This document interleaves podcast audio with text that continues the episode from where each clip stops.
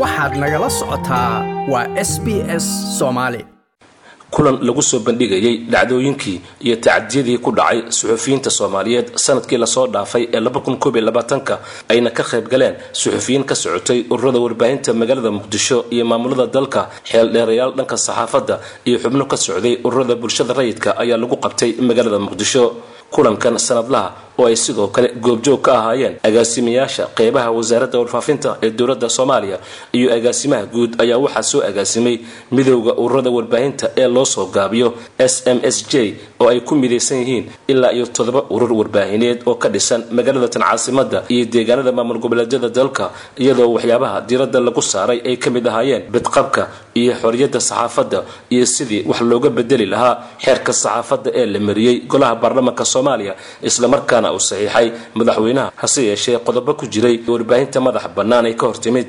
Ka qaybgalayaasha ayaa ka dooday sidii wax looga qaban lahaa tacadiyada suxufiyiinta soomaaliyeed meel kasta oo ay dalka ka joogaan iyo wax ka bedelka xeerka saxaafadda oo ilaa iyo labiyo toban qodob ay qayladhaan ka keeneen warbaahinta madaxa bannaan xogayaha guud ee ururka suxufiyiinta s m s j cabdalla muumin ayaa goobta ka akhriyey tacdiyadii sannadkii la soo dhaafay ka loo geystay suxufiyiinta iyo xarumaha warbaahineed ee guud ahaanba dalka meelaha khadka cas ku qoranya ama guduudan waa meelaha dilalku marka ama dhibaatooyinka waaweyn ay ka dhaceen. Muqdishoa ka mid ah waxaa ka mid ah gaalkacyo garoowe oo xukun military lagu sameeyey wariyaaj lagu sameeyey kismaayo oo xaaladdu aad u adkayd meelahaasoo dhan waa meelihii ay wax ka dhacayeen. Marka soo koobis ayaa lagu sameeyey. Haddii aad fiiriso meelaha dangeroska ama ama guduudan khadka cas waxa waye meelaha halista ah. Meelaha xaaladdu ay xog laga haynina waa meelaha grey areada ah. Marka buugga haddaa fiirisan waad ka heli doontaan. Totalka numberka wariyaasha xaaladda ku dhacday waa boqol iyo sagaal. Xarumaha weerarada ku dhaceen waa ilaa afar iyo toban. Wariyaasha dhimashadooda sannadkii la soo dhaafay waa ilaa labo laakiin haddii aad fiiriso saddexda wadan ee khadka cas waa saddexda wadan ee ugu liita soomaaliya jibuuti eritrea. Wadamada aanu gobolka ku wada naalno. Numberka wariyaasha waxaa ku dhaceen sidaan marka la sheegnay boqolkiiba boqol iyo sagaal qof weeye. Dilalka dhacay labo waaye sannadkii la soo dhaafay. Saddex wariye saddex idaacadood ayaa la xiray. Afar iyo toban ayaa weerar lagu qaaday. Lixdan iyo lix wariyena dalka oo dhan oo ay somalilan ku jirto ayaa iyaguna xabsiga loo taxaabay marka waxaa malaynaysaa in ay xaaladdu weli soomaaliya liidato marka la fiiriyo wadciga ay ku shaqaynayaan saxafiyiinta iyo xorriyadda ay heli karaan si ay shaqadooda u gutaan. Halkan waxaad arkaysaa ilaa laba kun iyo lix iyo tobankii oo in ka badan boqolkiiba lixdan weeraradii dhacay ee loo geystay wariyaashu ama dilalka waxay ka dhaceen magaalada muqdisho oo caasimadda ah. Waxaa ku xigta gaalkacyo iyo kismaayo. Waa laba kun iyo lix iyo toban ilaa iyo hadda figariska waxaa loo adeegsaday tirada guud ayaa loo adeegsaday iyo kiisasku meeluhu ay ka dhacayeen. Marka saddexda eriyo waxaa loo yaqaana inay yihiin saddexda ugu halista badan ee saxafi uu ka shaqeeyo marka gudaha dalka la joogo. Inta badan ka qaybgalayaasha ayaa ka dooday sidii loo sixi lahaa xeerka saxaafadda ee uu muranka ka taagan yahay kaasi oo ugu yaraan haddii la dhammaystiro oo dib loogu noqdo kala xadidi lahaa islamarkaana yarayn lahaa tacdiyada ku dhaca wariyaha iyo warbaahinta madaxa bannaan. Agaasimaha guud ee wasaaradda warfaafinta doctor cabdulaahi xayir ducaali ayaa sheegay in xeerkii saxaafadda ay horay u ansixiyeen golaha baarlamaanka soomaaliya islamarkaana dib u eegis lagu sameeyey markii ay qayladhan ka keeneen saxaafadda hase yeeshee aan weli laysku raacin islamarkaana hadda wax laga bedeli karo. Sida aad la socotaan sharciga saxaafadda ayaa waxaa ansixiyey baarlamaanka soomaaliya waxaana saxeexay madaxweynaha. Faafinta rasmiga ayuu ku soo baxay. Mar labaad baa dib eegis lagu sameeyey. Intaan madaxweynuhu saxeexin ka hor markii ay cabashooyin ka yimaadeen ururada saxaafadda iyo bahda saxaafadda madaxa bannaan iyo daneeyayaasha saxaafadda. Sharcigaas wuu yaallaa waxyaabaha uu sheegaya waxaa ka mid ah in la sameeyo guddiga saxaafadda. Guddigaasoo ay saddex wasaaraddu leedahay saddexna ay leedahay muxuu ahaay saxaafadda madax bannaan labana ay leeyihiin bulshada rayidka iyo hal qof oo ka imanaya guddiga xuquuqul insaanka weli lama samayn sharcigina lama dabaqin sharciga inaad koobiye ka heshaan oo akhridaan ururadiina saxaafaddu wax waxyi ma aha oo samada ka soo degay waa sharci aan samaysanay haddii aanu anfacaynin sidaynu u shaqayno iyo dadkii loo sameeyey mar kale waxbaa laga bedeli karaa. Baarlamaanka cusub baa wax ka bedeli karaa ama daneeyaashu ha ka soo cawdaan ama dadka loo dejiyey saxaafadda madaxa bannaan ha ka soo cabato ama saxaafadda dowladda laftigeeda wixii dhibaya way sheegi kartaa marka sharcigaasuna wuu inoo taagan yahay implementationkiisu haddiinu anfacayo fulintiisii dowladda cusub ayuu u yaalaa iyo innaga kaafiye maxamed oo ka mid a suxufiyiinta dumarka ee ka howlgasha gobollada dalka ayaa sheegtay in sharciga saxaafadda ee iminka doodu ay ka taagan tahay. Gebi ahaanba uu xaqirayo dumarka maadaama aan lagu xusin qodobo difaacaya gabdhaha saxafiyiinta ah marka loo eego shaqaalaysiinta iyo xadgudubyada kale. Laakiin xeerkan si gooniya loogu eegin mainstreaming lama marsiinin. Gabdhahana gooni loomu eegin. Waxyaabo badan oo ayaga oo commenty ay ku darsadeen oo badanna ma jirin. So da marka waxaan ku jirnaa dadka bedanka fadhiya oo hadda markii dib loo furo rabaa in ay qodobo badan ku doodaan. Qodobada goodida loo soo saaray oo hadda toban labada qodoba. Xitaa qodob inaga gooni nooga hadlaya ma jiro. Itmins codkeena uu ka maqan yahay sharciga.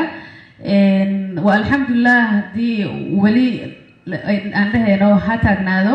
So waxaan because waxaa jira qodobo badan oo la rabo in gabdhaha dib loogu fiiriyo shaqaalaysiinta markii la dhaho waa in sharciga inuu qeyb uu ka hadlo waaye.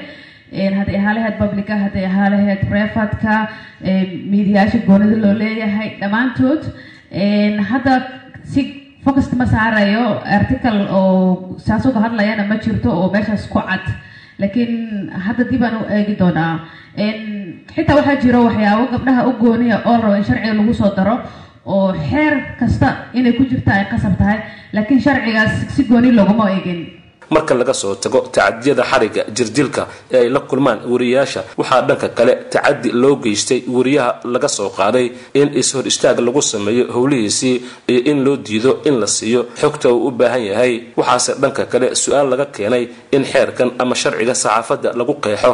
Haddii qofka wariyuhu uu sameeyo xadgudubyo islamarkaana warbixin beena uu faafiyo iyo in shakhsi gaara ama shirkad uu ka sheego warbixin aan jirin isagoo adeegsanaya warbaahinta uu ka howlgalo ama midda bulshada. Xogayaha ururka isutoga suxufiyiinta cabdalla muumin ayaana sheegay isagoo eedayntaasi ka jawaabaya in qof waliba oo baraha bulshada wax ku qora aanu ahayn weriye islamarkaana shuruucdii kala saari lahayd uu la yaalo xeerka saxaafadda ee iminka lagu murusan yahay. Laakiin dhinaca kale kama dhigna ama kama reebna in wariyaasha laftirkooda haddii ay jiraan arrimo farsamo ama arrimo la xidhiidha anshaxa arrimo farsamo iyo arrimo anshax hadday jiraan in la saxo kama kama reebna. Waxaa jira xeerka la yidhahdo xeerka anshaxa saxafiyiinta oo tababarada la siiyo saxafiyiinta mar walba lagu soo celceliyo oo lagu qaato.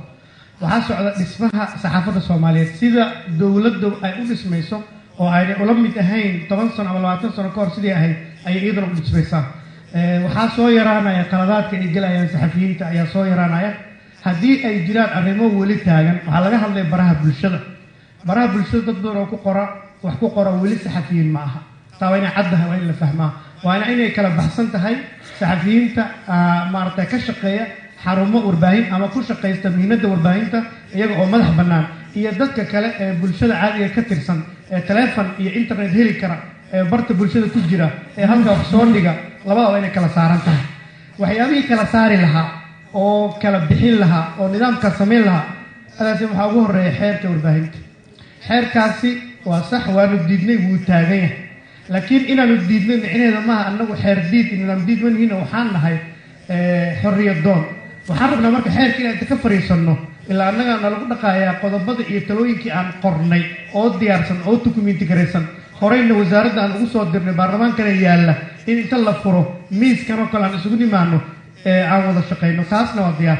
Ugu dambeyntii afukato axmed cali oo ka socday ururada bulshada rayidka ayaa waxa uu tilmaamay xalka ugu dambeeya ee ku aadan muranka ka taagan xeerka saxaafadda. Horta xalku meel aan jirin haddii loo raadiyo waa lagu lumayaa. Xalkani wuxuu noqon karaa in xeerkan dib loo soo celiyo stakeholderskii iyo dadkii ay quseeyeenna laga talageliyo qodobada laysku hayo dhowr iyo tobankan qodob ee laysku hayo in laga naqaasho laga wada hadlo wax laysku ogyahay la dhigto. Xeer dadkii lagu maamulayay aysan waxba ka ogeyn aysan waxna ka dejinin laguma maamuli karo wareerkiisuu leeyahay. Saas daraaddeed waxaan codsanayaa mar kale iyo mar kale codsanayaa in dib loo soo celiyo dowladdan hadda timid iyo nidaamkan hadda yimid iyo baarlamaanka yimidna dib loo soo celiyo qodobada yararka ah ee turxaan bixinta u baahanna la turxaan bixiyo si isku meel wax loogu soo wada shubo uu noqdo xeer u dhaxeeya dadka oo saamilayda ama dadkan oo wada quseeyo dhan saxaafadda iyo dowladda iyo dadka soomaaliyeed intaba. Waana sax haddii maanta adiga meeshaan aad joogtid beriyaad ka tegaysaa meela kale aad tegaysaa marka haddii aad maanta tiraada war aniga ha laygu cabiro xeerkan wax shaqey kara maaha xeerkan waa inuu noqdaa saxaafadduna waa inaysan naqanin mid ayada lagu cabiro dowladduna waysan naqanin mid ayada isku cabirto waxaa la rabaa xeerkan inuu xeer yahay dadka u wada dhexeeya heshiisna lagu yahay wax heshiisa meel la wada saartayna. La qoro la ansixiyo lagu dhaqmo. Like as la wadaag wax ka dheh lana soco barta facebooka ee sb s soomaali